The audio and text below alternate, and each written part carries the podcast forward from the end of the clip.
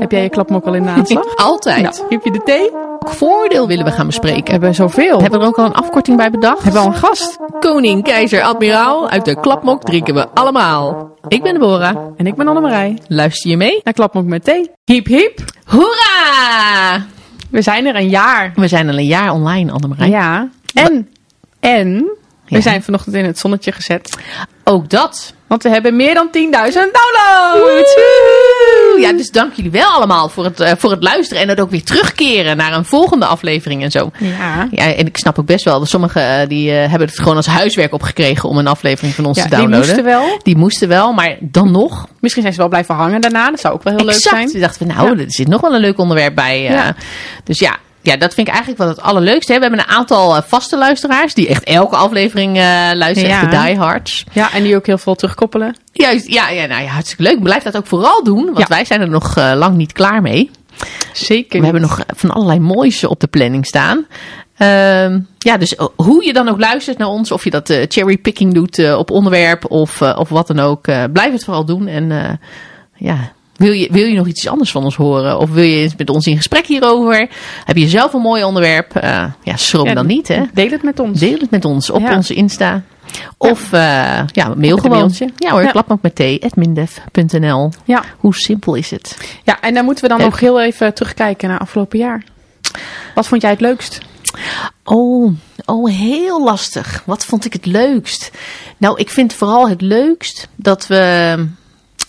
Eh, dat we er nog steeds zoveel energie uithalen eigenlijk. Ja, dus om nou te zeggen, dit is de leukste aflevering. Of ja, ik zit achter jou te kijken. Ja, want ik je heb het heel mooi opgezomd. Toevallig heb ik het net allemaal helemaal opgelijnd. Ja, ja, al 27 afleveringen. Het is echt... eh, mijn hemel, waar halen we inspiratie vandaan? Maar ja, Maar de flip die ernaast hangt, die is langer. dat zijn de ideeën, de afleveringen die we nog willen gaan maken. Ja, die ook al best wel redelijk concreet zijn. Nou ja, Ja. inderdaad. En dat inderdaad. zijn er echt heel veel. Ja, daarom eh, komen we nog een keer voor 27 bij. Dus wat dat betreft de komende jaren nog Jullie genoeg. komen niet van ons af. Nee. En eh, wacht maar, tot als je nog niet bent uitgenodigd om een keer te gast te zijn, hij komt eraan. Hij komt eraan. Ja, ja, het wereldje is heel klein binnen Defensie. Dus eh, wellicht eh, komt, komt je podcastmoment eh, dichterbij. Is dichterbij dan je denkt. Ja. Nee, heel leuk.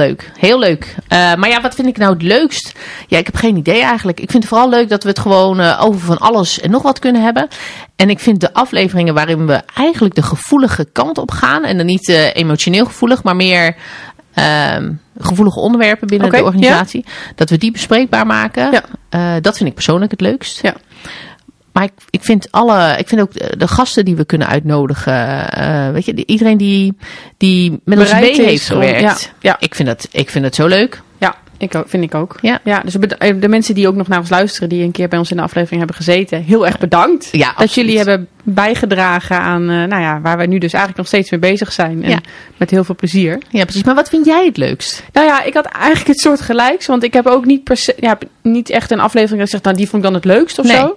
Maar vooral dat we, we waren natuurlijk bij de eerste paar afleveringen, zagen we elkaar iedere dag omdat we samen in Breda zaten. Ja. Maar dat we eigenlijk nu, we zijn allebei iets anders gaan doen. Ja. Maar we hebben toch een manier waarop we elkaar iedere week zien. En dat, het heel, dat we het eigenlijk gewoon, dat het heel gezellig is. Ja. En dat eigenlijk alles wat we ons afvragen, of waar we een keer dieper in willen duiken. Ja. Of misschien op basis van een gast die we Ja, of gewoon een keer willen uitnodigen. En dat, dat we met iemand in gesprek willen gaan. Of inderdaad, we lezen iets. Nou, echt. Mensen, jullie willen niet weten hoe vaak wij iets op de app naar elkaar sturen. Oh, hier moeten we iets mee. Oh, heb je dit al gelezen? en, maar dat we dat dus gewoon eigenlijk kunnen botvieren. Gewoon in Ja. deze podcast. Ja. En eh, ja, dus eh, ja, dat vind ik gewoon het allerleukst. Ja, ja. Ja. Ja. en, ja, en gewoon super trots dat we al zoveel... eh, zo, dat er, ik had nooit verwacht dat dat zo snel zou gaan met het, eh, met het aantal downloads. Maar ook als je dus ziet hoe vaak eh, berichtjes eh, doorgestuurd worden of gelinkt Ja. worden. Of, weet, je- weet je, de, de, De mensen momenten... die ons delen op LinkedIn bijvoorbeeld vind ik ook heel leuk. Ja, ja, en de berichtjes die we krijgen van mensen die, ja, die, die geïnspireerd raken doordat ze een, een podcast hebben, hebben, hebben gehoord. Hè. Kijk maar naar onze laatste, het gras en schoenen bij de buren. Daar zijn best wel wat reacties op geweest van mensen die ook buiten Defensie werken, maar toch weer terug willen. Of mensen die eh, ook af en toe zich afvragen hoe het is om buiten Defensie te werken. Ja. Ik, eh, ja, het is leuk. Het is leuk als je aan, aan, eh, aansluit bij de beleving van de mensen die Ja. luisteren. En Ja. ja, superleuk. Ja, Dus Annemarij, we gaan gewoon door. Ja, we gaan lekker door. Ja, jullie komen niet van ons af. Nee, luister, blijf vooral luisteren. Ja. Dan Ja, kunnen we ook door blijven gaan. precies. ja, en, we, en ik denk ook direct maar even de teaser voor wat we nog gaan Oh. doen. Want we hebben nog een paar hele leuke plannen. Ja.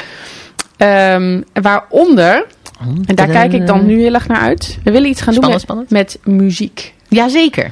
Want eh, nou, ik hou natuurlijk heel erg van muziek. Ja. En eh, jullie hebben waarschijnlijk onze nieuwe intro gehoord. Ja, Met het nieuwe liedje. Precies. Nieuw deuntje. een deuntje. Ik heb weer eens wat even eh, iets nieuws ingetoeterd. Juist, even uit. Ja, dat hoort er een beetje bij. Ja, ja, ja. ja. Ehm, dus direct ook maar even de prijsvraag. Weet je wat ik toeter? Eh, laat het ons weten. Stuur een mailtje, berichtje, wat dan ook. Ja. Ehm, en eh, dan kan je een prijs winnen. Oh, want hebben wij prijzen dan, Wij hebben prijzen, prijzenfestival. Zit het Oprah momentje? Ja. You get a klapmok. You You get a get a klapmok. Ja. ja, we zijn, eh, nou ja, we zijn dus in het zonnetje gezet vandaag vanwege de, de meer dan eh 10.000 downloads. Ja. We hebben bloemen gekregen. Nou, die bloemen die is natuurlijk niet handig om dat als cadeau weg, als prijs weg te geven. Maar Nee, we hebben ook een, bosje tegen die tijd. Ja, dat is niet handig. Nee. Maar we hebben ook klapmokken gekregen. Ja, ja. En we hebben van die schoteltjes waar je je theezakje op kan doen Ja. gekregen. Theetipjes. Theetipjes. Ik heb het wel eens met mensen over theetipjes en dan zitten ze me aan te kijken. Ik heb Wat geen idee is een wat dat is. Maar een Ja. theetipje is toch gewoon een bekend iets? Nee, dat had ik ook nog nooit gehoord. Nee? Nee, is jouw ding, denk ik. Nee. Heb jij bedacht? Nee. Nee, Nee. ik, ik kende het niet. Theetipjes. Een theetipje. Ja, superleuk. Ja. Dus- Met ons logo natuurlijk. Juist. Juist. Ja. Dus wil jij, eh, wil jij zo'n collectors item eh, winnen? ja. Nou, Dan moet je dus Zeggen, even het even goede antwoord geven op de vraag. eh, wat is het deuntje dat getoeterd wordt in onze intro? Maar er is Oh. nog een misschien iets makkelijker manier om iets te winnen bij ons. oh. Want wij zijn heel erg benieuwd naar jullie. ehm, de muziek waar je vanuit je het militair zijn, waar je Ja. het meest bij voelt. Ja, waar je emotie bij hebt. Ja. Ja, ja, want ik ken ik een heleboel voorbeelden van noemen, maar dat ga ik niet doen. Maar, eh, nee, maar iedereen die wel eens op uitzending is geweest, die heeft van die typische liedjes. Ja. Die dan eh, voorbij komen omdat Ja. eh, het er bijna op zit. Of dat we met z'n allen willen dat het er graag op zit.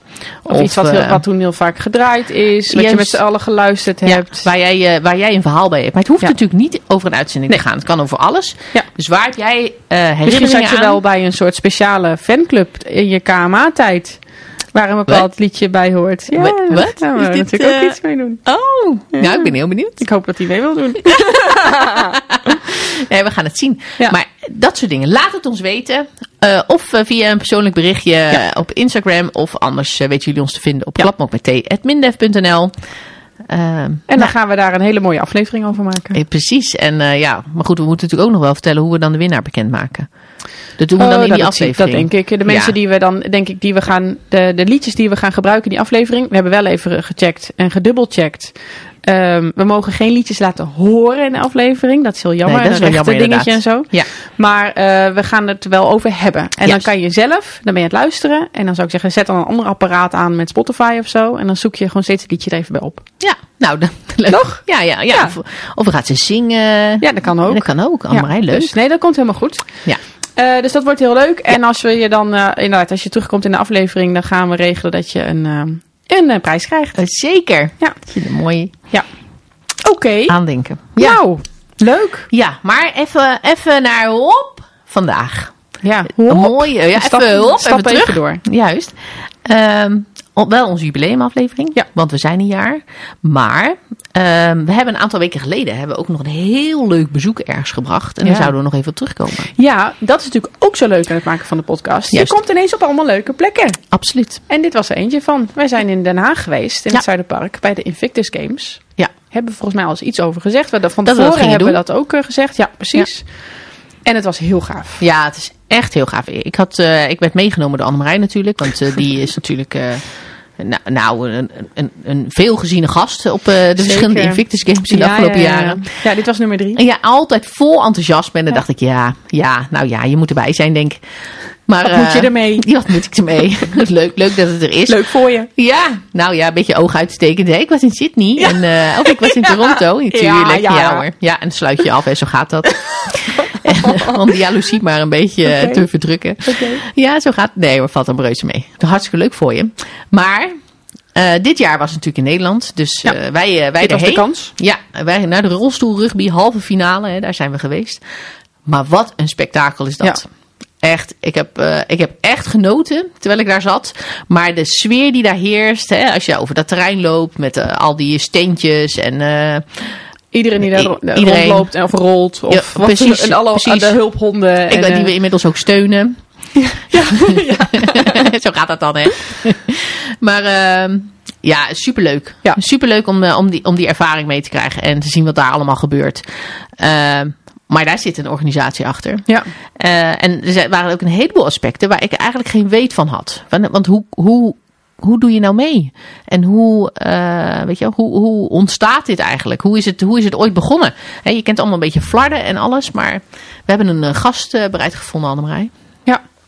die ons daar alles over gaat vertellen. Ja. Ook een stukje meeneemt in, zijn eigen ervaring. Ehm, nou, we hebben al een keer eerder een, een hele presentatie van hem mogen ontvangen, waarin hij zijn hele verhaal vertelt. Ja, Hij heeft ook een boek geschreven precies. daarover. Kampioen op één been. Juist, en eh, ja, we hebben het over niemand minder dan eh, Edwin de Wolf. En eh, we nemen je mee naar het gesprek wat we hebben gehad met hem. Wacht heel even, Deborah. Oh, gaan we weer te snel? Ietsje te snel. Je loopt op sportschoenen. Ja. Ehm, nee, we, gaan heel, we hebben nog geen vooroordeel benoemd. Nee, dat is waar. Ja. Wat, wat is het vooroordeel als we het hebben over deze uitzend, uitzending, aflevering? Ja, de uitzending, ik zit er helemaal in. Uitzending. Uitzending, Precies. deze uitzending, Ja. deze aflevering. Nou, ik denk, eh, want we hebben natuurlijk even goed over nagedacht en ook wat mensen gesproken. Hoe kijken zij naar de Invictus Games? En, hè, want daar gaan Ja. we het natuurlijk met Edwin over hebben. Ehm, eh, dat, dat we vanuit het voordeel, elke militair heeft iets na een uitzending. Ja. Komt terug met iets. Ja.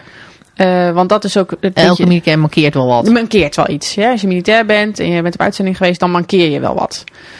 Ehm, want dat is natuurlijk wel, hè, bij de Invictus Games, dat draait natuurlijk om de mensen die, zijn, die ehm, iets mankeren. Die Ja. iets hebben. Ja. Of dat nu eh, fysiek of geestelijk is. Niet per se allemaal opgedaan tijdens een uitzending, maar dat is natuurlijk wel wat met name het het beeld ook wel is. Ja. Dus, ehm, ja, dus wij gaan gewoon Edwin helemaal bevragen van hoe zit dat nou? Waar is het nou voor? Eh, want ehm, ja, en is, ja, ja, ik weet niet of we dat echt met hem bespreken. Is het dan ook terecht dat dat, eh, dat, dat vooroordeel, dat dat stigma er is? Maar dat kunnen we na afloop samen, denk ik, nog wel even bespreken. Zeker, zeker. Laten we eerst eh, overgaan naar het eh, gesprek. We gaan luisteren. Ja. Ja, we zitten met Edwin de Wolf. Zeker. Eindelijk. We hebben er heel erg naar uitgekeken. Welkom in eh, onze podcast. Dank jullie wel. De, in ieder geval de teammanager van de laatste Invictus Games. En ook zelf heel vaak meegedaan aan de Invictus Games. Hè. Daar gaan we het nu natuurlijk met jou ook over hebben. Ja. Eh, schrijver van een boek dat wij allebei in de kast hebben staan. Zeker, met handtekening. Ja, ja. Met, ja, helemaal gesigneerd en alles. Ja, ja, heel leuk. Dus ehm, ja, om daar direct eh, van start te gaan, kan je iets meer vertellen over wat voor jou, hoe dat voor jou eigenlijk gestart is, die hele Invictus Games. En eh, even vanaf, gewoon vanaf het begin. Eh, vanaf het begin, nou dat kan ik. Ehm, ik werkte eh, eh, op, het moment dat de Invictus Games zeg maar om de hoek kwamen in Nederland, werkte ik al op het Militair Revalidatiecentrum. Als leidinggevende functie van de orthopedische instrumentmakerij daar. En daar zit een heel traject voor voordat ik daar begon. Oud-onderofficier geweest bij de landmacht. van groepscommandant bij de luchtmobiele brigade. Zwaar gewond geraakt tijdens een operationele inzet. Daardoor mis ik mijn linkerbeen en heb ik nog een forse beschadiging aan mijn linkerarm. En na mijn studie eh, beleid en management eh, ja, wilde ik graag iets met die studie gaan doen. Maar ook mijn ervaring als beenprothese gebruiker, gaan gebruiken. Ja. En zo kwam ik in Doren terecht. En eh, uiteindelijk was het een aantal jaren later eh, dat omstreeks eh 2013 zo'n beetje, 2014, ik te horen kreeg van de Invictus Games. Maar goed, ik was toen nog een beetje met wat studie bezig. En ehm, eh, er werd getraind bij ons in Doren. En ik hoorde steeds meer verhalen over die Invictus Games. En het is nieuw en Prins Harry zit daarachter. En het is voor gewonde militairen. En nou, op een gegeven moment ging er een Nederlandse selectie naartoe. Daar ging één iemand van mijn team mee, een technicus. Die protheses kon repareren, rolstoelen kon, eh, kon fixen en zo. Handig. Super handig. Ja, nee, maar je zult een been missen en eh, door je prothese zakken, weet je. Dus er ging een technicus mee en die man die kwam terug met, met een verhalen. En ik denk van, wow, wat is dit joh. Dus die club kwam terug, een hoop aandacht gegenereerd en ik begon te lezen. Ik denk, nou, dit zou toch voor mij wel heel mooi zijn als er nog een keer zo'n game zou komen. ehm, om daar aan mee te doen. Met name, ik kom uit een tijd dat het woord nazorg nog niet in Defensie woordenboek stond. Het was chaos, er gebeurde gewoon te weinig en dingen die moesten gebeuren, gebeurden niet.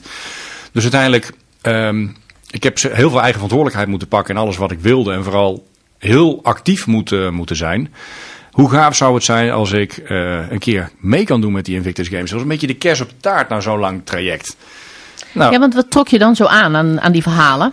Nou, wat ik vooral terugkreeg, de, de verbroedering die daar ontstaat. Maar uiteindelijk, je loopt daar met uh, 500 gewonde collega's die allemaal wat ja. mankeren. En je wordt niet nagekeken. Mensen hebben geen oordeel als je je zien. Veroordelen je niet.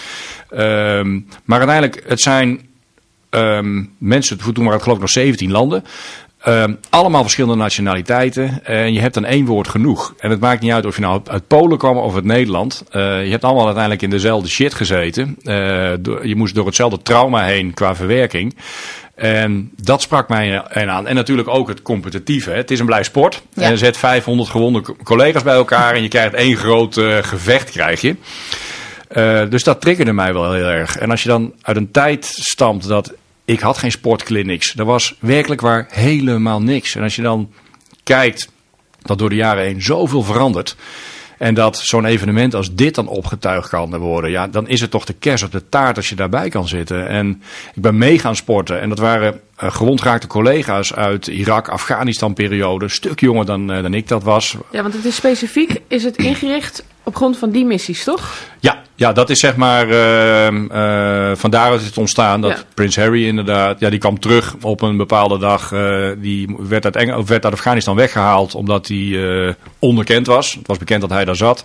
En hij vloog terug met een aantal Engelse gewonden en overleden Deense militairen. Mm.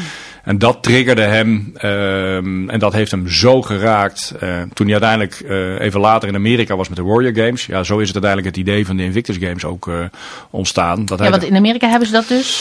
Ja, hebben ze al zoiets, een soortgelijk iets? Ja, volgens mij kun je in Amerika een brigade vullen met met aantal gewonden. Dus ja. die hebben tussen alle krijgsmachtdelen hebben die een, een sportcompetitie. Dat heet de Warrior Games, de Marine Corps Trials.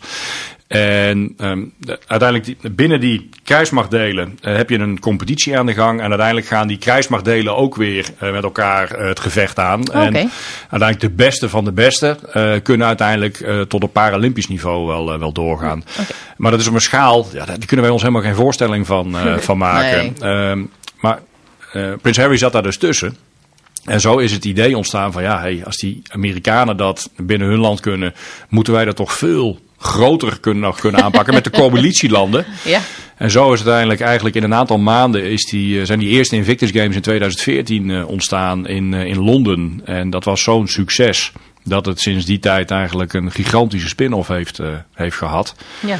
Waardoor in 2016, en daar kon ik, mocht ik gelukkig mee, ik werd geselecteerd, ik mocht mee en ik zag het echt Ja. als een kers op de taart. Ja, mooi is, mooi is dat. Want dat, dat is wel iets wat uh, voor mij heel nieuw was. Je moet inderdaad geselecteerd worden Ja. om uh, mee te doen. Niet iedereen mag zomaar meedoen. uh. Klopt. Want hoe, hoe word je geselecteerd? Hoe werkt dat? Ja, um, dat, dat is een proces um, waarbij we um, op een moment X uh, gaan communiceren binnen Defensie, maar ook buiten Defensie via uh, het Veteraneninstituut, gewonde organisaties. Dat we in Doorn op het Militair Revalidatiecentrum open trainingen gaan aanbieden. En Oh, dat is laagdrempelig, uh, want je moet begrijpen dat als we een collega met PTSS uh, uh, krijgen die nog niet weet wat hij of zij voor sport willen gaan doen, um, last heeft van allerlei prikkels, die kun je niet meteen uh, het bos in gaan jagen en allerlei uh, sportactiviteiten mee gaan doen. Dat moet je opbouwen, daar moet een geleidende schaal in zitten. Dus we beginnen vaak met bewegen, kennis maken met sport en um, Um, in de basis gewoon, ga nou sporten, ga nou bewegen, ga nou eens wennen aan wat hier allemaal gebeurt. Met uh, ja, ergens tussen de 80 en 100 collega's die zich elke keer op zo'n moment weer laten, laten zien. En um, dat gaat een aantal maanden zo door. Door de week doen we dat drie, vier avonden in de week. Eén keer in de maand komen we als hele grote groep uh, bij elkaar. En tijdens al dat sporten hebben we een aantal coaches. We hebben twee psychologen, we hebben fysiotherapeuten rondlopen. Die eigenlijk bezig zijn met observeren. Ja. Uh, uh, gedrag van mensen. Uh, ze gaan ook in gesprek met mensen. Uh, van waar bestaat je leven uit. Maar met name ook Um, uh, wat is er eigenlijk een fysieke belasting mogelijk? Uh, maar uiteindelijk ook mentale belasting. Uh, zit je nog in een heel zwaar behandeltraject? Moet je de Ja. vraag stellen of het wel slim is om in een opwerktraject te gaan voor de Invictus Games. Waar de prikkels, nou goed, jullie hebben het meegemaakt. Wat er Ja. allemaal gebeurt is gigantisch. Ja, ja, ja. En dat is een traject dat duurt een aantal maanden, waarbij we mensen gaan coachen. Uh, we gaan ze met sportspecifieke trainers beter maken in hun sport. eh, zodat ze de sport ook technisch kunnen uitvoeren. Want kun je, doe je je sport niet technisch goed uitvoeren, help je jezelf alleen maar in, eh, eh, Ja, ja, ja. in, in de smef, zeg maar. Om het maar even militair uit te drukken. En, eh, SMEF is een afkorting, hè? Waar staat het voor dan? Weten jullie dat niet? Nou, het is een beetje een afkorting die gebruiken we eigenlijk niet meer, hè? Dat was nog voor de sport dat- en de fysiofit. Is dat nog uit de tijd van de Koude Oorlog, zeg maar? Ja, Vroeger als je wel. militair SMEF kreeg, dat Ja. SMEF stond voor Ja, vrij maar- van eh, sporten, marsen, exercitie en velddienst. Kijk, dat is hem. Oké. Ja, ik ken hem wel, maar inderdaad, wat het betekende. Ja. Ja, schrijf je gelijk mee? Ja. Ja, dat is een hele goeie. Dus ehm, eh, je wil voorkomen dat je, dat je militairen in de SMEF helpt. Juist. En ehm, eh, dat ze in ieder geval met een, met een nog groter probleem te maken krijgen fysiek dan dat ze misschien al, eh, al hebben. Nou, en uiteindelijk kom je dan in het traject dat er gesolliciteerd moet worden. Ja. Eh, mensen schrijven een brief waarom ze naar die Invictus Games eh, willen. En dan moet je vooral niet aankomen van ik wil goud halen op de 100 meter. Want dan sta je met 6-0 achter. Eh, het gaat om hele intrinsieke, hele persoonlijke doelen. Wat maakt het voor jou nou zo belangrijk dat jij eh, mag shinen op dat eh, podium? Ja. Wat is je rol van jouw friends en family daarbij? Want uiteindelijk het is de collega die gewond raakt, maar, raakt, maar onderschat de impact niet op de mensen in zijn, in zijn of haar directe omgeving. Ja. Hè? Ja. Partners, ouders, die, die hebben ook een trauma te verwerken. Ja. En we triggeren uiteindelijk een kandidaat juist om na te denken over dat soort doelstellingen. Maar uiteindelijk ook je meerwaarde in een team. Ja. Eh, we, we kijken niet naar eh individuutjes. Nee, we willen teamplayers. Mensen uiteindelijk die in een groep ehm, eh, willen verbeteren. eh, door samen te werken, samen dingen te doen en niet alleen. Ja. Ja, ik, ik, ik wil nog even aanhaken, want dat heeft mij. eh, Wij, wij zijn natuurlijk daar geweest. Hè? We, hebben een, eh, we hebben een middag hebben wij, eh, daar rondgelopen. Maar wat mij nog het meeste indruk heeft gemaakt, is inderdaad onze, onze rit terug met de tram naar het station. En toen, hebben we met, toen stonden we met ouders van een van, de, van een van de deelnemers. En daar raakten we mee aan de praat. Want Annemarij is natuurlijk al een, een veteraan als het gaat om bezoeken van de Invictus Games.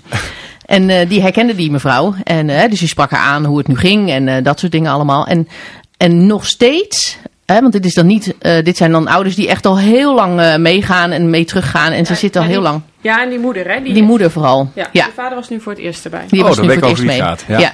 En, Ja. eh, maar Ja. dat was zo indrukwekkend. Ja. En als je dat ziet en het verhaal hoort, wat, hoe zij het ervaart, is op een bepaalde manier als moeder zijn, wij zijn natuurlijk allebei moeder, dan breek je natuurlijk meteen. En ik natuurlijk sowieso, want eh bij tranen zit altijd vrij hoog. maar maar, maar wat, wat ik zo indrukwekkend vond was. ehm, hij heeft een hele lange tijd heeft hij in coma gelegen. Is maar de vraag geweest of, eh, of, of, het, of het goed zou komen. De vraag krijgen zij, joh, eh, moet de stekker er niet uit? Ja. En, en dat hele traject, als je, daar zit, dat zit nog zo hoog. Eh, en ik weet niet of dat ooit lager gaat zitten hoor, als het gaat over je kind. Maar dat heeft zoveel indruk gemaakt, inderdaad. Dus wat je, precies wat je zegt, weet je, het gaat niet zozeer alleen om diegene wie het overkomen is. Maar als je ziet hè, de hele familie eromheen en wat dat doet met mensen Ja. eh, in zo'n gezin of wat dan ook, dat is enorm. Juist. Ja. Ja, ik vond Ja. daarin ook heel opvallend dat je heel erg terug hoorde dat iemand kan zelf er heel oké mee zijn Ja. hoe die dan nu is. Hè, wat, met wat er is gebeurd en de, de beperking die je hebt. Hè, ik zeg het even tussen aanhalingstekens. Hè, want die, diegene ziet die misschien die- voor zichzelf helemaal dat niet meer als een beperking. Want dat geeft hem misschien weer hele andere dingen. Dus die is daar helemaal oké mee inmiddels met hoe zijn leven dan nu is. Maar als ouder gun je natuurlijk het allerbeste voor je kind. Ja. En heb jij natuurlijk een bepaald. Heb jij ook gezien dat, Ja. die, dat, dat je kind militair werd en dat hij bepaalde dingen wilde en bepaalde doelen had. En dat is natuurlijk, het leven is heel anders geworden. En dan heb je iemand ook nog op zijn allerslechtst meegemaakt. En jij bent daar als ouder dan bewust bij geweest. En misschien nog hè, de kantje boord en eh, nou ja, eh, gaat, dit, gaat, gaat hij dit redden? En dat je dan nu ziet. Ehm, hè, dat trauma is er dus ook echt nog. En dan zie je iemand presteren met zoiets en je kan dat helemaal meebeleven. En, en, maar, eh, en dat is dan het mooie eraan, hè, wat dan voor hun ook heel indrukwekkend is. Ja. En ik vond het heel bijzonder om gewoon ook dat gesprek. We zaten stonden gewoon in de tram. Van, Ja. hè, Hoe dus- open. ja, Ja. en gewoon hoe, Ja. hoe hoog dat nog zit en hoe moeilijk dat eigenlijk nog steeds is, omdat ook die verwerking van die familie dus eigenlijk. Ja. Ja, ja. Ja, en dat, dat is precies waar het om gaat eh, tijdens die Invictus Games. En dat wil je dus aan de voorkant wil je dat proberen eh, dusdanig in te regelen dat je eh, dit soort mensen, dit soort sporters, dat je die in zo'n selectie gaat, eh, gaat opnemen. En dat je voorzichtig bent met ehm, eh, mensen die nog in een heel zwaar behandeltraject Ja. eh, zitten. Want je kunt uiteindelijk, eh, je kunt ook, als je niet goed selecteert, je kunt ook mensen kapot maken. Hè? Eh, eh, omdat de hoeveelheid prikkels, maar uiteindelijk ook de dagbelasting die er niet om, om ligt. Hele lange dagen. Eh, voor zowel de sporter als voor friends en family. Elk, er gaat geen dag voorbij dat je daar niet staat te janken. Als je niet uitkijkt, maar kun je mensen ook gewoon serieus kapot maken Ja. eh, met die games. Dus dan moet je in het ook een voortraject... bepaalde druk die je dan toch ook weer... hebt. Ja, ja, en daar moet je in het voortraject heel goed over nadenken. Vandaar dat we met werken ook met twee psychologen. Ja. Dat we werken met eh, twee fysiotherapeuten. We hebben ervaren sportinstructeurs van de landmacht eh, erbij zitten. Die bij ons in Doorn ook werken. Dus ook de kant van de revalidatie goed begrijpen. Eh, versus fysieke belasting, eh, mentale belastbaarheid. Ehm, dus dat is, ehm, dat is een heel traject wat daar eh, aan vooraf gaat om te zorgen dat je de juiste mensen aan boord krijgt. En het wil niet zeggen dat de mensen die niet geselecteerd worden niet geschikt zijn, per definitie niet, maar het is hun moment nog niet. En dat is natuurlijk altijd een heel vervelend moment als jij Ja. 100 kandidaten hebt en je mag er maar 25 of 30 meenemen. Dan moet het dus 75 eh, moet je er teleurstellen. En dat is lastig. Want je probeert, ook wel. Ja, je probeert goed te onderbouwen uiteindelijk eh, waarom je uiteindelijk kiest voor, eh, voor die en niet voor de ander. Eh, vaak wordt dat niet begrepen en dat snap ik. Hè, er zit heel veel emotie zit erachter. Ja, absoluut. Maar geloof me dat, eh, vooral we zijn nu het, het, het traject zijn aan het herzien. Het wordt alleen maar beter. Dat met name de psychologen, wat ervaren collega's eh, zijn, ervaren fysiotherapeuten, die geven echt van een goed advies van het is verstandig of het is niet eh, eh, verstandig. Natuurlijk ook niet te onderschatten het advies van, de, van onze eigen sportinstructeurs. Ja. Het zijn adjudanten die ontzettend veel ervaring hebben op het gebied van fysieke belasting. Ja, ja. Dus en dat moet uiteindelijk dan leiden tot, eh, tot een advies richting, eh, richting mij dan in dit geval. En, eh, want ik selecteer zelf niet. Er komt een advies waarbij we een lijst hebben en uiteindelijk knopen gaan, gaan doorhakken. En ja, dan kom je uiteindelijk op het meest vervelende dat je ja gaat zeggen tegen bepaalde collega's. Maar uiteindelijk ook een advies gaat overnemen van, van specialisten. Ja. En dat iemand het Ja. niet eh, gaat, eh, Ja. gaat worden. En dat is niet leuk, maar dat is ja, helaas ook hoe het, eh, hoe het loopt. En ehm, gedurende die, die maanden eh, willen we uiteindelijk eh, bepaald gedrag zien van de mensen. Ehm, eh, we bieden trainingen aan waarbij je moet komen. Want uiteindelijk niet naar trainingen gaan, je nooit zien en dan naar de Invictus Games. Dat is not done, dat bestaat niet. Nee. Maar we kijken ook, het klinkt wel heel modern dit. Um, nee, maar, we kijken, we werken met uh, competenties. Uh, zijn mensen coachbaar? Zijn mensen herstelbereid? Hè? Ja. Uh, dat zijn hele uh, zware woorden, maar je wil uiteindelijk dat die Invictus Games wat gaan brengen naar mensen, in plaats van dat ze je kapot maken. Ja. Wat ik net al zei. En dat betekent dat je ook wel zakelijk moet kijken en echt wel moet gaan werken met competenties uh, om de juiste mannen en vrouwen aan boord uh, te krijgen. Maar dat klinkt voor mij ook eigenlijk als een, als een positief iets. Uh, Hè, hoe, vaak, hoe vaak hoor je niet of zie je niet, of krijg je een beetje het slachtoffergevoel. Hè? En, uh, en als ik dit zo hoor, dan denk ik, nou, er is helemaal niks slachtofferigs aan. Want je moet gewoon gaan functioneren. En met de beperking die je dan misschien hebt, of uh, ja. waar je mee bezig bent, of wat dan ook. Maar dan wordt gewoon wat van je verwacht. Je moet weer gaan participeren in, uh, in, een, in een organisatie. En er wordt wat van je verwacht. En mensen leggen, leggen eisen aan je op. En uh, je moet ergens aan gaan voldoen. Je moet ergens naartoe gaan werken. Ja. Je krijgt een beetje een doel. Ja. En niet vrijblijvend. Maar je leert, in mijn beleving komt het mij over dat je, dat je ze ja, weer helpt ergens, ergens aan mee te doen. Ergens, ja, ja, je, je verwoordt het heel goed. En je conclusie is ook heel uh, goed. Want uh, het is niet alleen maar interne defensie, maar met name ook in de maatschappij. Nee, ja, precies. En je wil ze uiteindelijk ook wat bijbrengen en wat weerbaarder gaan maken. Exact. Kijk, wat we, wat we wel eens zien is dat mensen met een beperking, en dan heb ik het over in de meest brede zin van het woord. Hè, ook civiel dat we wel eens het idee hebben van, oké, okay, wij hebben een beperking en de wereld moet zich maar aan ons aanpassen. Ja. Maar zo werkt het niet en zo zal het nooit gaan, uh, gaan werken. En daardoor ontstaat heel veel frustratie, hè, want uh, ja, kunnen ze dan rekening met me, met me houden? Uh, nee, maar zo gaat het niet werken. En de ideale wereld bestaat niet. Nee. deze maatschappij gaat zich nooit voor 100% aanpassen zeg maar, aan mensen met een beperking. En daar willen we ze uiteindelijk ook op voorbereiden. Ehm, uitspraak, en ik heb hem zelf niet bedacht, want hij is een van mijn, uh, van mijn voorgangers, is die Don't Fight the Scenario. We, we, wij nou, we slaan dat er niet in, maar we, we, ik blijf daarop rammen. De, ja. de, kracht zit in de herhaling met mijn, uh, met mijn PowerPoint-presentaties. En um, het is een uitspraak die kun je op alles kun je dat uh, toepassen. En je kunt het in je leven gebruiken.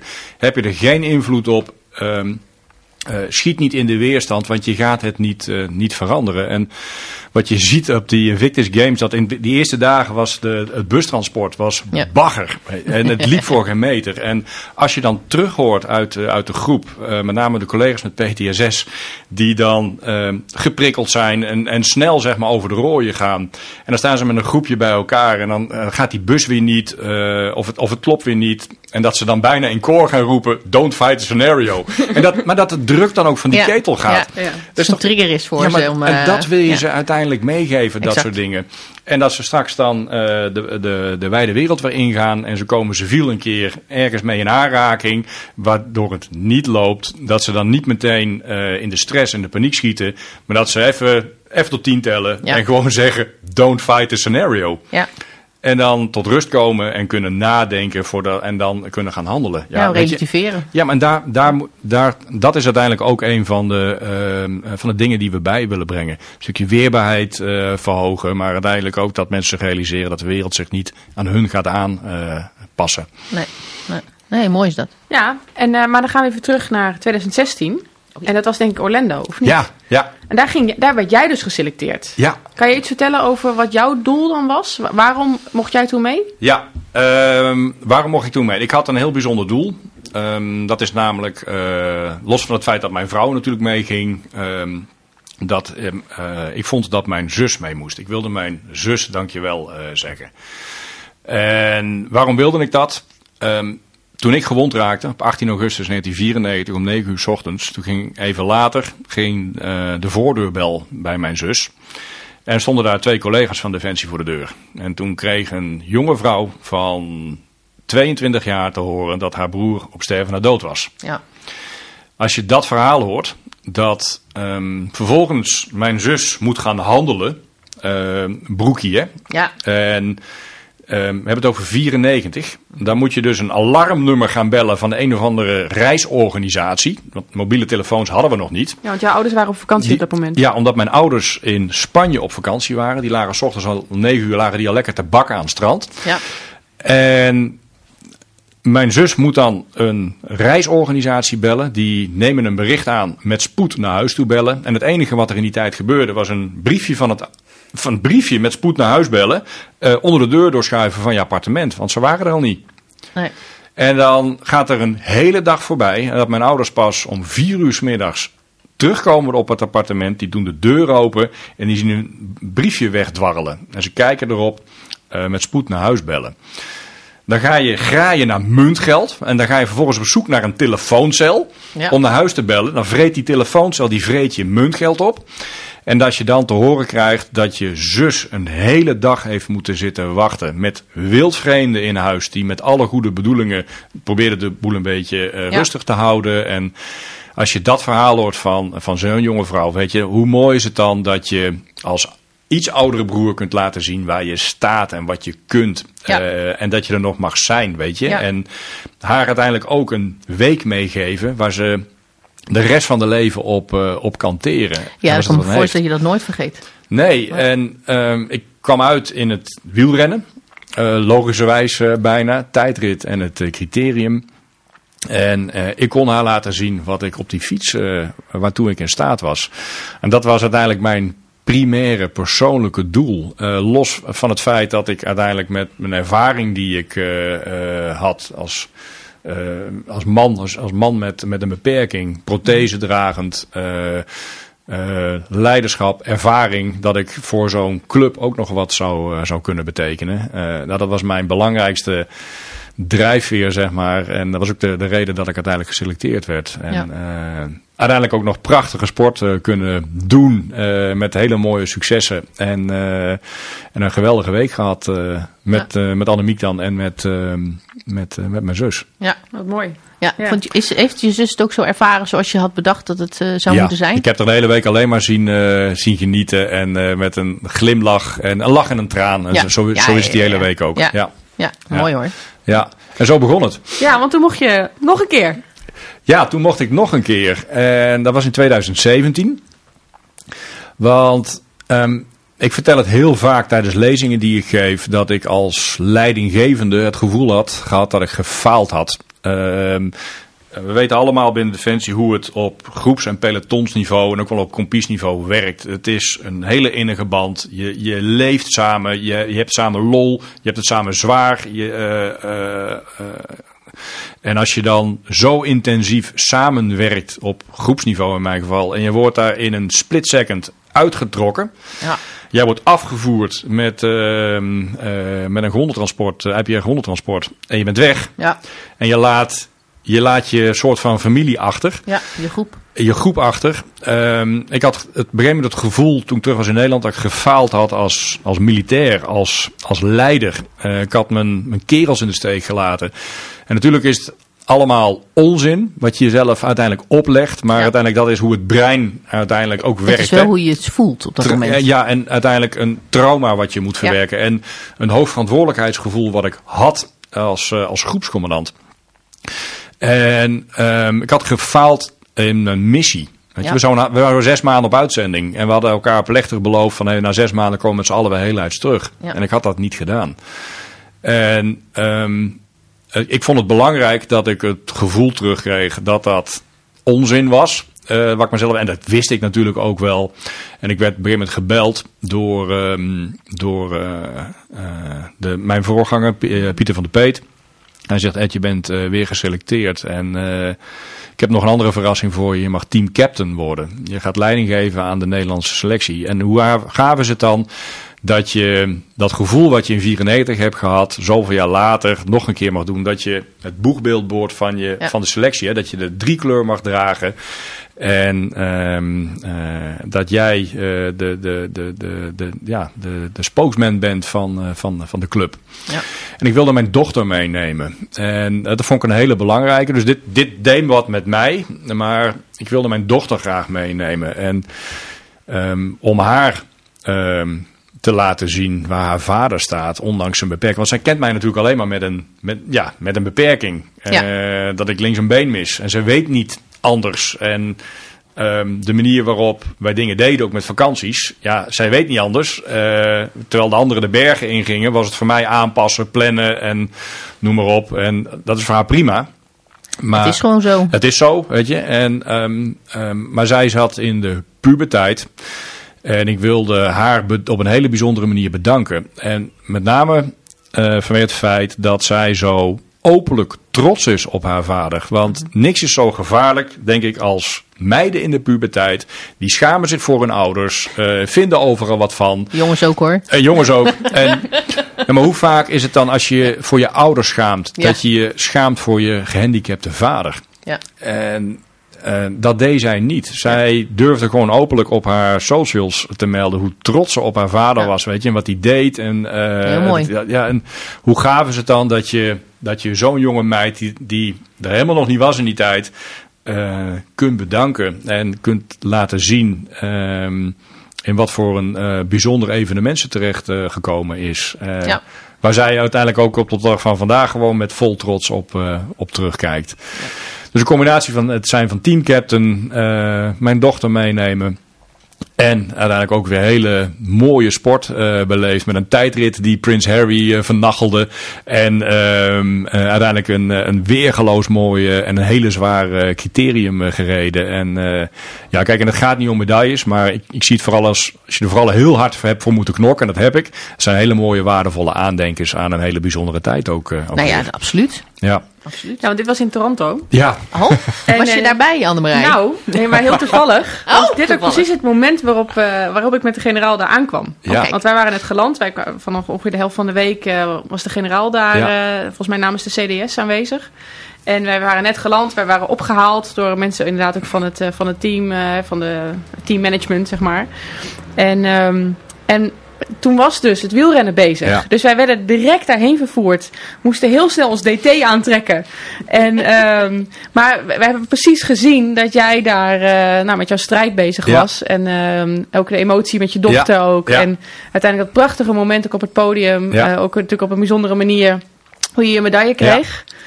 Ja, weet je, eh, priceless. En eh, ook gewoon weer zo ontzettend emotioneel. En ik zei het daar straks al, er gaat, dit evenement is zo bijzonder en het onderscheidt zich zo eh, ten aanzien van alle andere sportevenementen. Ehm, dit is. Hier, gaat geen dag voorbij dat je niet met een brok in je keel staat. Of, eh, of dat er tranen over je wangen lopen. Omdat die omdat het niet alleen maar draait om die collega die gewond geraakt is, maar ook friends en family. En dan had je het voordeel hier in Nederland dat het niet alleen maar de twee friends en family eh, zijn die mee mogen vanuit de organisatie, maar dat er soms wel hele busladingen aan friends en family aanwezig eh, waren. Die, eh, nou neem die collega waarvan je de moeder in de bus gesproken heeft. Die jongen die heeft zo lang uiteindelijk in een kunstmatige coma gelegen. Eh, waarbij de vraag was, moet de stekker er wel of niet, niet uit? En als je ook foto's van de jongen uit die tijd ziet. Ehm, hoe gaaf is het dan dat je die jongen daar weer ziet shinen, weet je wel. En dat zijn hele familie daar dan bij kan, eh, kan zijn. Ja, weet je, dan, dan hou je toch niet droog. En er is geen sportevenement waar dit gebeurt. Daar draait het alleen maar om de prijzen, hè? Ja. Ja, Nou, dat was ook wel. Dat had maar, wij waren bij de rolstoelrugby eh gaan kijken. ja. En eh, ik denk, nou, dat, dat levert een vast spektakel op. eh, Dat was ook het zo. En dat was ook zo. de menige reservewiel kwam Ja. terug. En regelmatig moest er weer iemand rechtop gezet worden. ja. Erg leuk om, eh, om, om te zien hoe men daar eh, ja, mee omgaat. En, eh, en ja, het gaat inderdaad niet om, eh, om, om de winst of wat dan ook. Want de, de hele zaal die ging helemaal stuk op het moment dat... eh, dat was de Fransen waren dat, hè? Nou, de, dat, was, dat was al vanaf het begin af aan duidelijk. Die gingen niet winnen. Nee. En, maar dat deed je ook niet toe. Maar als dan zo'n Fransman eindelijk, eindelijk uit die verdediging eh, was eh, gebroken. En er was iemand die was losgekomen. eh, nou, dan ging die hele zaal die ging, eh, die ging helemaal los. Ja. Want, eh, want er was een kans dat zij eh, konden scoren, Ja. zeg maar. En, Ja, en als we dat dan deden. ja. Ja. Je, het was eigenlijk een soort van sneu voor, die andere, voor dat andere team. Wat heel veel scoorde natuurlijk. Maar dat was dan een beetje, hey, hey, hey, Ja. oh, klappen, klappen. Maar als dan, die, als dan die Fransen weer gingen scoren, nou, dat, die hele zaal die ging los. Dak ging eraf. Ja. Ja. Maar die andere waren dus de Britten. Maar volgens mij ging Oh, de ja. Britten, net- de Britse publiek, ging net zo hard mee. Ja. Ja, ja, ja. Dus het was gewoon, het dak ging er letterlijk af op het moment dat die Fransen een kans hadden. Ja, Ja. maar dit is dus overal waar het om draait. Nou En ja, exact. Ja. Ja, En, dat zie je eh, overal terug. ja. Ja. En dat maakt het evenement zo, eh, zo speciaal. Ja. En, ehm, en ook verslavend. Want zo is het uiteindelijk gewoon als je dit één keer hebt meegemaakt, dan eh, elke vezel in je lijf zegt van oh, dit wil ik nog een keer meemaken, omdat het zo uniek is. En er Ja. is. Er is niks anders waar je, wat, je, wat je hiermee kunt vergelijken. Ik heb ook nog wel een wedstrijd wielrennen gedaan binnen paracycling van de, de KNWU. En daar kom je aan, je doet je warming up. Je, het is de wedstrijd. Je bent alleen maar gefocust op de wedstrijd. Eh, het sociale element is er gewoon eigenlijk helemaal niet. Ja, hoi en eh, succes zometeen. En je doet je wedstrijd, je komt terug, je puft uit, je kleed je om. En eh, prijs, geen prijs. En je gaat weer naar huis toe, Ja. weet je.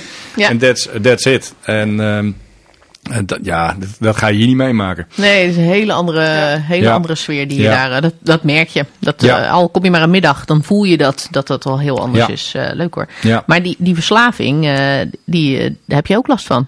Want het is met niet bij eh, het één en twee keer gebleven. Nee, nee. En dat, het, ehm, ik, ik, ik realiseerde me wel dat ik in, met Sydney dat het, het een keer goed was. Eh, en hoe, terwijl elke vezel in mijn lijf zou zeggen van ga door, ik weet je, ik wil meer, want het- Ja. zo is het gewoon.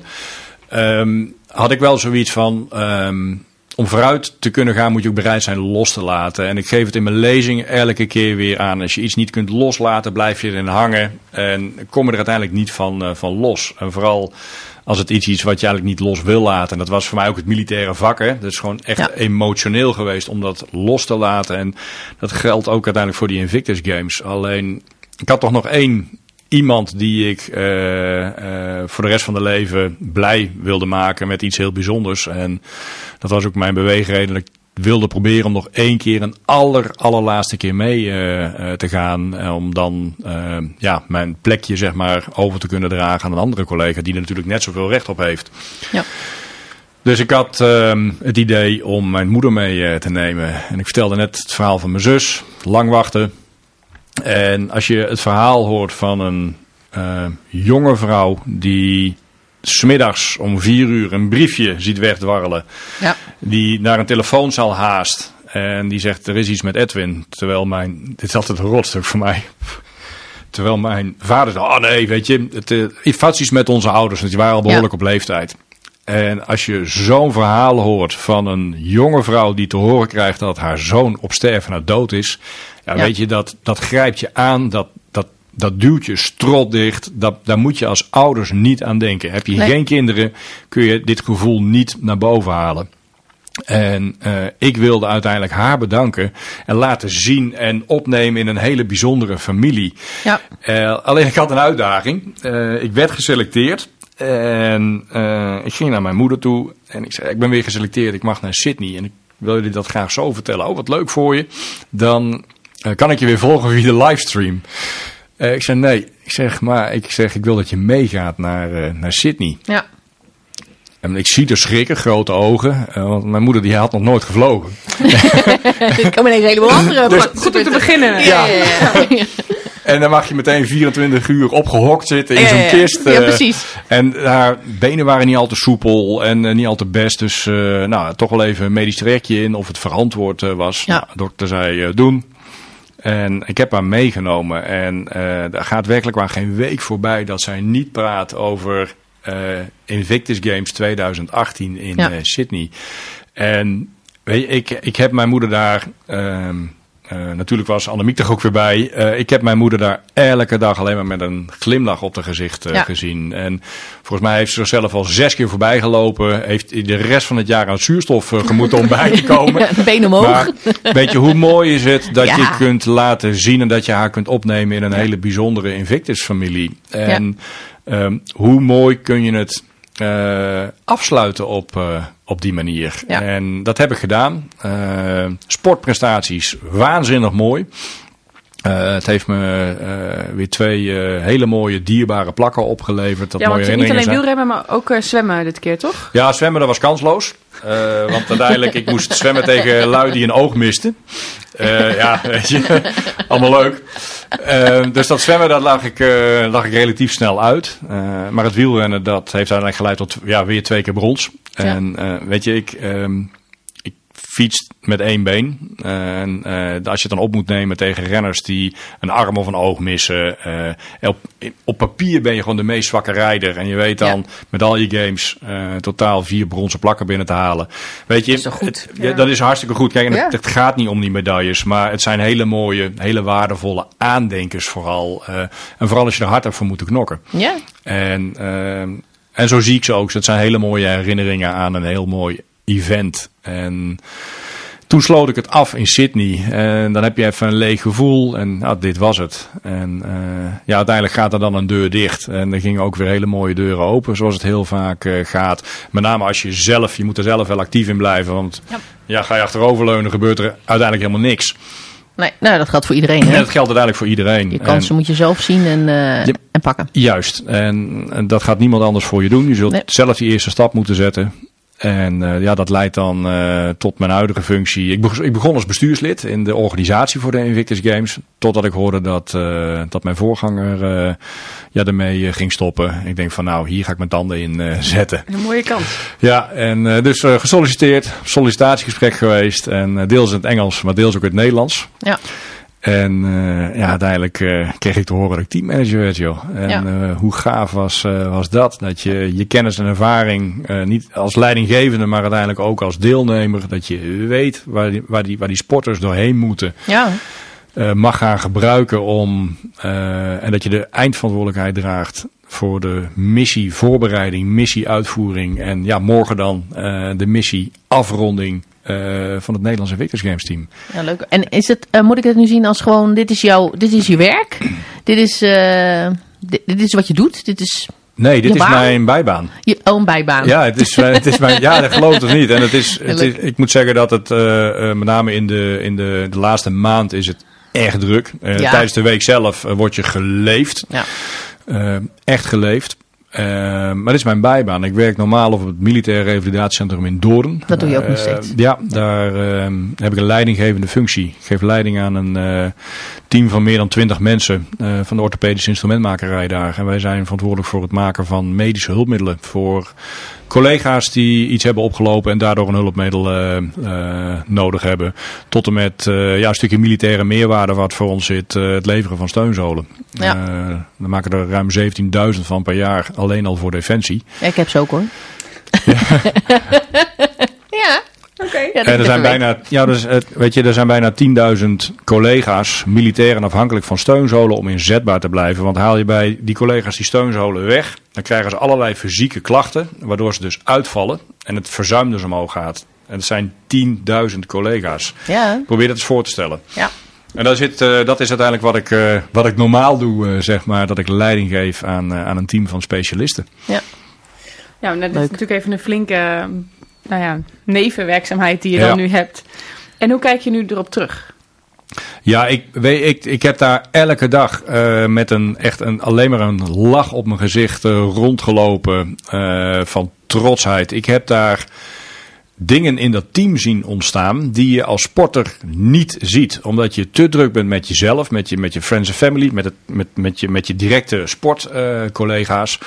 Maar ik heb mensen in de ogen zien eh, veranderen. Ik heb daar een ehm, groepsdynamiek zien ontstaan omdat je langs de zijlijn eh, staat. Ehm, dat ik met verbazing heb staan kijken dat dat in zo'n week überhaupt kan, eh, kan Ja. ontstaan. En daar gebeuren in zo'n team zulke bijzondere ja, processen. Dat had ik zelf als sporter nooit meegemaakt. En na, eh, toen het afgelopen was, toen heb ik echt met recht gezegd: er is nog geen selectie geweest. Wat die zo naar elkaar toe zijn gegroeid in zijn totaliteit. 27 mannen en, eh, en vrouwen. Ehm, dat, eh, ja, geniaal. En, en zo mooi om, eh, om te zien. Maar met name dat je ogen spreken boekdelen. Ik heb mensen zo in de ogen zien veranderen. En waar, waar ik nu alleen maar hoop. Ik hoop dat ze het weten vast te houden. En dat ze tegen zichzelf blijven zeggen. Don't fight the scenario. Want het is zo'n simpele uitspraak van een van mijn voorgangers. Maar eh, je kunt hem op zoveel dingen gewoon toepassen. Ja. Eh, op het moment dat het even je aanvliegt of eh, heb je er invloed op? Ja, doe er wat aan. Heb je er geen invloed op?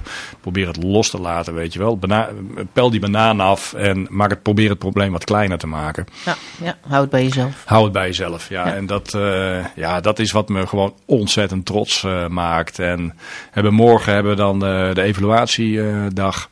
En eh, ja, gaan we eens gewoon met z'n allen terugkijken. En gaan we een compilatie van eh, hele mooie games gaan we kijken. Oh. Eh, de collega's van het mediacentrum hebben die als het goed is af. En Ja. ja, ik denk dat we allemaal weer met datzelfde brok in de keel eh, Het zitten. gevoel komt weer even terug. Ja, ja, ja, Ja. ja. het is echt fantastisch om, om te doen. En ja, nu kijken we alweer uit richting de games van volgend jaar in Düsseldorf. En ja, sterker nog, het is nog een endweg. 2025 in, hebben we de eerste wintergames in, in Vancouver, Canada. Ja, mooi. Ja, Leuk. Andere Ja. sporten ook? ja, ja, met name door die. eh, eh, we krijgen tafeltennis krijgen we er in Düsseldorf eh, bij. Oké, leuk. Ik, ik weet niet of we collega's hebben die daarvan houden of dat goed kunnen. Maar goed, dat gaan we meemaken. We kunnen het allemaal leren, hè? Ja, en eh, ja goed, uiteindelijk eh regeren is vooruitzien. Dus we, we zijn stiekem ook al aan het nadenken over februari 2025. Want het lijkt allemaal ver weg, maar eh, het, eh, Je bent er zo? Je bent er zo, helaas. Eh, Waarbij we ook goed moeten gaan nadenken van ja, leuk wintergames. Maar dat bete- betekent dus ook dat onze trainers eh, ja, eh, Andere expertises, andere expertises eh, moeten, hebben. En hebben die expertise, hebben die niet intern defensie. ja, dan moeten we misschien buiten defensie gaan, gaan kijken. Ja. En daar moet je allemaal niet te lang mee, mee wachten. En, Nee, want ja, als je natuurlijk dat hele proces weer door moet, hè, Ja. het hele selectieproces en dan het Ja. opwerken daar naartoe, nou, dat, dat kost dat is al een jaar als ik dat zo even snel ja, en dat is dat is het meest belangrijke Ja. in het eh, hele proces na die Invictus Games. Want iedereen focust op die week, hè, of op die anderhalve week. Ja. En natuurlijk is die week belangrijk, maar met name die periode die daarvoor zit, je missievoorbereiding, dat moet gewoon kloppen. Dat moet gewoon staan aan zijn huis. Het moet in die week van de games moet het bij elkaar eh, eh, komen. Loopt Ja. dit voortraject niet aan, gaat het in de uitvoering uiteindelijk gewoon niet zoals je moet, moet willen zien. En dat is niet anders dan een inzet van, van de landmacht. Ja. Ja. Nou ja, dat is ook zo. Ja. Maar ja, wilde jij even? Nou ja, Wat ik, je wil. ja, nou, ik heb nog wel even. Want eh, nou, we hebben het natuurlijk al eventjes over gehad. Maar eh, ja, die Invictus Games, het zijn toch veel mensen die eh, ja, eigenlijk niet meer bij Defensie werken. Is, is het ook iets voor alleen maar eh, mensen die, eh, hè, doordat ze een PTSS hebben of eh, een andere... eh, een, een ander iets, een, hè, een fysiek iets, waardoor ze niet meer eh, bij Defensie kunnen werken. Of, eh, of misschien als burger, maar niet meer als militair. Ja, en, en moet je altijd in een Moet iets uitzending iets markeren? hebben opgelopen? Ja, precies. Is dat dan, is dat wanneer je dan mee kan doen? Of hoe, eh, Ja, dat is een hele goede vraag.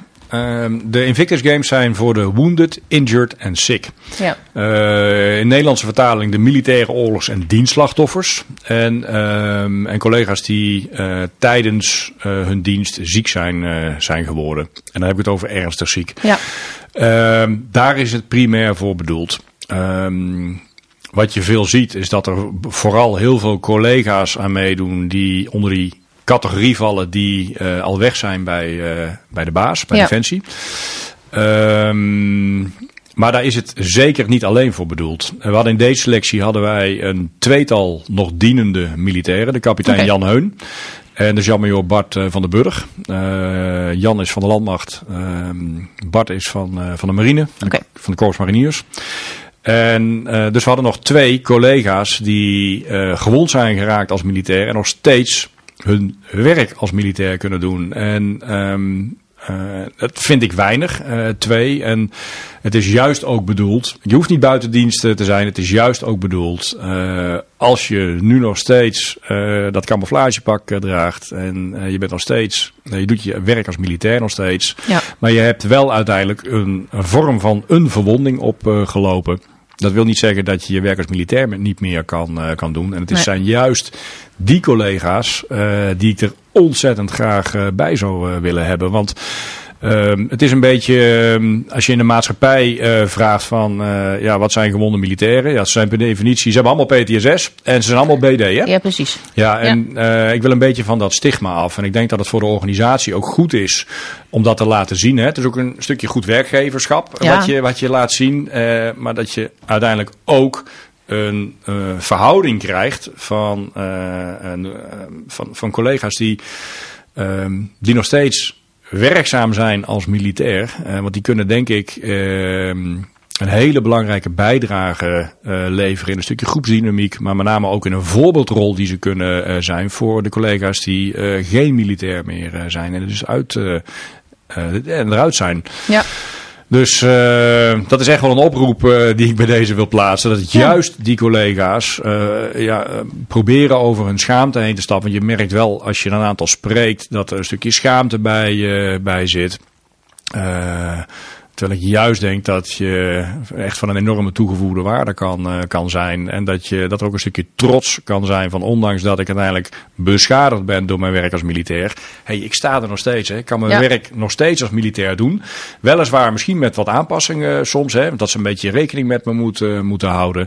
Maar eh, in de regel, eh, hey, eh, het is 2022. Ik, ik sta er nog steeds. En ik, eh, ik doe mijn werk nog steeds met, eh, met plezier. En Ja. dat zou voor mij heel veel betekenen als we juist deze groep, dat we daar uiteindelijk, eh, nou noem het een, een derde, een derde, een derde verdeling. Dat we een derde nog actief dienend, een derde BD. En een derde, dat zijn mensen die de games al een keer hebben meegemaakt.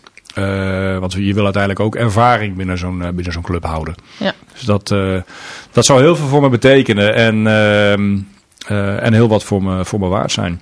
Ja, en als er nu mensen luisteren die dan denken van nou, dat is, ik, ik voel er wel wat voor. Ik zou die stap wel willen zetten of ik zou dat eens willen proberen om daar eens over te praten. Ja. Wat kunnen die mensen dan doen? Ja, heel simpel. Stuur een mailtje naar mij. En dat is het e-mailadres sportplatform.mindef.nl is makkelijk. Die gaan we ook even op onze socials zetten natuurlijk. Ja, Precies. dat is het enige wat ze hoeven te doen. Eh, even aanmelden, zeg dat je belangstelling hebt. Dan krijg je van mij een e-mailtje terug waarbij ik je uitleg eh, hoe de organisatie geregeld is, op welk moment de sport aanbieden en hoe het traject er op hoofdlijnen uit gaat eh, zien.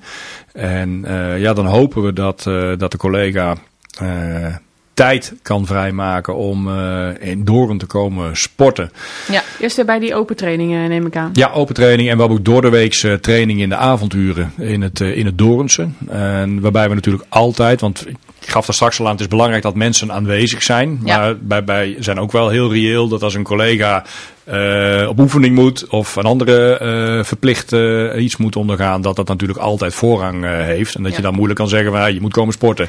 Ja, precies. zo ben, ben je wel actief dienend, maar eh, Ja, ja, dus daar houden we zeker rekening mee Nou, in, het goed. hele, in het hele traject. Eh, dus het is niet allemaal in beton gegoten. En Dat we echt wel rekening houden met, eh, oké, wat, wat voor werk doet iemand? En ja, wij kunnen wel zeggen, je moet een aanwezigheidspercentage van 98% hebben. Ja. Eh, maar als je nog in het operationele domein zit, dan eh, is dat een uitdaging. nou ja, precies. Ja. precies. Ja, Nou, ja, dat is heel mooi. Ik, denk, ik vind het sowieso goed. Ik vind het goed als dit, eh, dat, dat dit meer de aandacht krijgt. En dat ook jullie focus eh, zegt van... hé, hey, ik wil ook die actief dienende militairen... die inderdaad, wat je, wat je in het voorgesprek met ons... Hè, die een krasje hebben of wat dan Ja. ook... eh, dat die zich aanmelden. En eh, eh, ik denk dat het goed is. Want op die manier eh, wordt het, wordt het no- meer een normaal. Hè. We hebben al een keer een podcast opgenomen met de mannen van KNAK. Ja. Ik weet niet of je daarvan... Hè, Ja, je bent ja. geknakt, maar niet gebroken. ja. Ehm, en op het moment dat we het er gewoon vaker met elkaar over hebben, wordt het ook meer een normaal. Ehm, en ehm, Ja, en dit is is het iets ook wat je- is niet iets waar je voor hoeft te schamen. En dat helpt. Hè, zowel de mensen die, die dit niet hebben, eh, zien het meer als een normaal iets. Dat het ook gewone mensen zijn waar je gewoon normaal eh, tegen Ja. kan doen. En dus niet alles hoeft aan te passen en hoe of wat. Maar ook de mensen die het overkomen is, of wel dat krasje hebben, die voelen ook dat ze eh, gezien worden, erkend worden. maar ook gewoon zichzelf kunnen blijven. Eh, met krasjes. eh, en dat het ook prima is. Mhm. En ik denk dat dat het beeld is wat we uiteindelijk met z'n allen moeten bereiken. Ja, ja het Juist. is iets wat je heel veel kan brengen, denk ik. Ja, dat denk ik wel, want eh, het maakt je ook sterker. Het is een stuk ervaring wat je meeneemt. Er is Ja. iets overkomen. Eh, je bent er te boven gekomen. Ja. Eh, je hebt het een plek weten te geven. En dat maakt je sterker. Dat maakt je mentaal sterker. Eh, en daarvoor kun je heel goed een voorbeeld zijn. Hè? Niet misschien alleen voor de mensen binnen zo'n Invictus team. Maar ook voor jezelf eh, binnen de naar je organisatie waar je collega's, werkt. Exact. Want uiteindelijk dat je, eh, je geeft ook wel een heel duidelijk signaal af dat je, je bent, je bent mens hè. En elk, elk mens heeft uiteindelijk een grens en kan een kras op zijn plaat Ja. op, eh, oplopen. En ik denk dat je als, eh, als je als militair meedoet, je geeft zo'n sterk signaal naar je collega's Ja. af dat ondanks dat je ja, niet zichtbaar gewond eh, bent, dat je een krasje hebt, dat je je werk nog kan doen, maar dat je vooral ook kunt laten zien van hey, en met name het signaal afgeeft ehm, dat je gewond bent, maar niet verslagen. En dat je je werk uiteindelijk nog kan, kan doen, maar dat je ook heel duidelijk aangeeft, het kan iedereen overkomen. Hè? Ja. Want uiteindelijk op het moment dat je het vlekkenpak aantrekt, dan zeggen nog, je, je trekt een beetje een bepaald panzer om je, om je heen. En eh, Ronaldo, eh, Isaac, eh, die geeft dat op die manier ook wel heel, heel Ja. goed aan. Weet je, het is een beschermend panzer, maar haal dat eens weg en dan ben je bovenal een mens met emoties en met gevoel.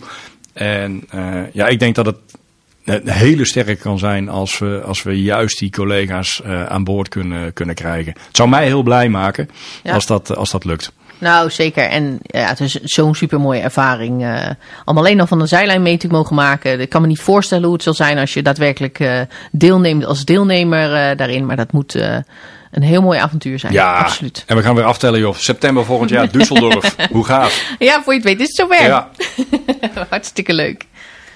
Nou, Edwin, dan willen we je heel erg bedanken voor dit gesprek en je openheid. En eh, nou, eigenlijk al het hele verhaal waar je ons in mee hebt willen nemen. ik heb het heel graag gedaan. Jullie dankjewel. En eh, het was een genoegen om, eh, om bij jullie aan te sluiten. Dankjewel. En we zien elkaar sowieso in Düsseldorf. Reken maar. Hoppa. Ja. Nou, ik vond het een mooi gesprek, Deborah. Ik zag wel hier en daar een klein traantje. Maar goed, dat hoort ook wel misschien bij sommige aspecten van dit onderwerp. Ehm, ja, maar hoe kijk jij nou eigenlijk naar het voordeel wat we hier bespreken? Elke militair mankeert wel wat in het licht van eh, de Invictus Games. Aan de ene kant vind ik het heel goed dat we deze aandacht geven daaraan. Maar ik ben wel, eh, ik ben wel van mening dat het zwaartepunt voor die Invictus Games echt ligt bij de deelnemers en hun, eh, hun traject, hun proces. Ehm, maar ik vond het. kijk, ik ben ook op uitzending geweest. Eh, ik mankeer niks. Zeg ik zelf natuurlijk. Nee, nee ik heb geen. eh, de dingen die je toch al had. Ja, precies. Dat heeft dan gewoon karakter. nee, dat is natuurlijk een beetje. nee, ik, ik, ik, ik heb eh, gelukkig eh, heb ik niks. Ik, mis, ik, ik eh, heb geen fysieke beperking, maar ook mentaal niet. Eh, ondanks dat ik bij uitzending ben geweest. Maar ik kan me wel voorstellen dat er heel veel mensen zijn die dat, eh, die dat wel hebben. Ehm, en ik vind het heel mooi dat zoiets eh, als Invictus Games er is. En ik denk ook echt wel dat het helpt bij het verwerken. En dan met name eh, niet alleen voor die eh, militair zelf, hè, waar we het natuurlijk ook uitgebreid over hebben gehad. eh, maar, maar met name ook voor de omgeving en de Ja. ouders van de, Ja, ouders, van de partners, betrokken, kinderen, ja, vrienden. van de betrokken militairen, om maar zo te zeggen. Ehm, is dan zo'n Invictus Games niet voor mensen die dan, zoals wij, niets, niets Mhm. hebben overgehouden aan een uitzending? Of, of überhaupt, hè? want het hoeft natuurlijk inderdaad niet alleen van een uitzending te komen. Je kan natuurlijk ook PTSS oplopen door andere eh, Ja, of het is ook mensen die, eh, of wat die dan ook. een bepaalde ziekte krijgen, waardoor Ja. ja. gewoon wat Waardoor je een, een ledemaat moet missen of wat dan ook. ja of een ehm, MS-achtige Ja. dingen bijvoorbeeld. Ja, precies. Het is veel breder dan dat. Ja. Ehm, maar ik vind het wel, ik denk dat het wel belangrijk is voor elke militair om te zien eh, wat daar gebeurt en wat het met mensen doet, maar Ja. ook wat het met jezelf doet op het moment dat je daar bent. Want het is best emotioneel. En je kent al die mensen niet, je kijkt naar al die mensen, maar als je ziet welke weg zij afleggen en wat het met ze doet, Ja. eh, ja, dat is zo mooi om te zien. Ja. Dat is echt heel goed. Ja, en wat ik er vooral ook wel bij denk, is dat dit is heel goed voor, die, eh, voor heel veel mensen. Inderdaad, Ja. om het te zien, maar ook voor de mensen die deelnemen. En ik denk dat dat belang, dat dat sowieso zwaarder weegt dan... Ja, maar straks eh, denkt iedereen weer dat alle militairen iets, eh, iets oplopen. Ja. Ehm, aan de ene kant. En aan de andere kant, als inderdaad dat beeld zou ontstaan... Nou, misschien moeten we zelf daar dan ook wat, eh, wat flinker in zijn qua communicatie... Van, hè, dat we niet allemaal iets mankeren. Nee. Maar ook... Maar dat we het wel steunen. Dat we, er wel, dat we wel begrijpen Ja, waarom dit en, er is. En, dat kijk we- eens wat mensen kunnen bereiken. Ja, ondanks dat ze terugkomen Ja. met, een, met een krasje. Of, precies. eh, dus laten we daar ook vooral heel trots op zijn. Ja, precies. Eh, dat je een eh, hele bijzondere prestatie levert. Of dat je gewoon echt. en al is die prestatie je persoonlijke doel, hè? Ja. Om gewoon weer in een ritme en met trainingen. en uiteindelijk hier een prestatie neer te zetten. Of gewoon in- op Gewoon een bepaald moment te kunnen pieken, zeg Ja. maar. En nou, voor je, op jouw eigen niveau. Ja. En dan doet die hele. wel of niet een medaille, dat doet er niet eens toe. Nee. Maar dat jij dat door het hele proces bent gegaan. En je bent daar tussen al die mensen. En met camera's en publiek en alles want je wordt geleefd. Ja, en eh, hoe moeilijk is dat al voor heel veel mensen? Ja. En dat je dus met dat wat je dan ook hebt opgelopen. En dat je dat dan doet. Ja. En, en daar, daar, weer staande te houden. Precies. En dat is toch al heel bijzonder. En ik denk dat we daar gewoon super trots op moeten zijn. En dat Ja. je daar ook mee kan laten zien. Van ja, nou ik heb misschien dan iets. Maar moet je eens kijken wat ik kan. Ja, maar dat beperkt me niet. Ja, precies. Ja, ja. ja de, de mooie woorden van, eh, van eh, ja, Ronaldo. Ik moet dat even nadenken of het nou zijn voor- of zijn achternaam is. Ja, Ronaldo. ja. Met Ronaldo. Eh, geknakt, maar niet gebroken. Mhm. Hè, er mag best wel wat met je zijn. Maar eh, Precies. moet je kijken wat je, wat, wat, hè, hoe je terugkomt. Ja. En dat is goed. Ja. Ik denk dat dat, eh, ja. Ik denk dat dat heel sterk is. Ja, dat denk Ja. ik ook. Ja. Dus ja, iedere, elke militair mankeert wel wat na de uitzending als vooroordeel. Nee, dat denk ik zeker niet. Ik denk Nee. de meeste niet. Eh, maar een aantal wel. En eh, dat is eh, niet erg. Dat is ook niks voor om je voor te schamen. Ja. Ik En denk dat ja. je er alleen maar uiteindelijk, als je de plekje weet te geven, dat je er sterker uitkomt.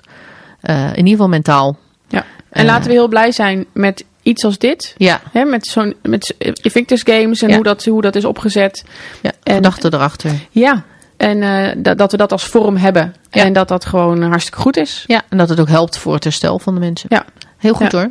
Heel En, leuk. Ja, en eh, nou, we gaan natuurlijk eh, volgend jaar september naar Düsseldorf. Ja, ja, Om te kijken en weer aan te moedigen. Ja, En, eh, absoluut. Want het is misschien heel verslavend om mee te doen, maar het is ook heel verslavend om te kijken. Want de energie wat je daaruit haalt. Dus een ieder die dit jaar gemist heeft, eh, nou, Düsseldorf is niet het einde van de wereld. Dus wat dat betreft heb dat je is die nog kans. een keer te regelen. Absoluut, Ja. daar kun je heen. Dan zou ik het zeker doen. Ga dat vooral doen. Ja, maar ook de oproep die Edwin deed. Ja.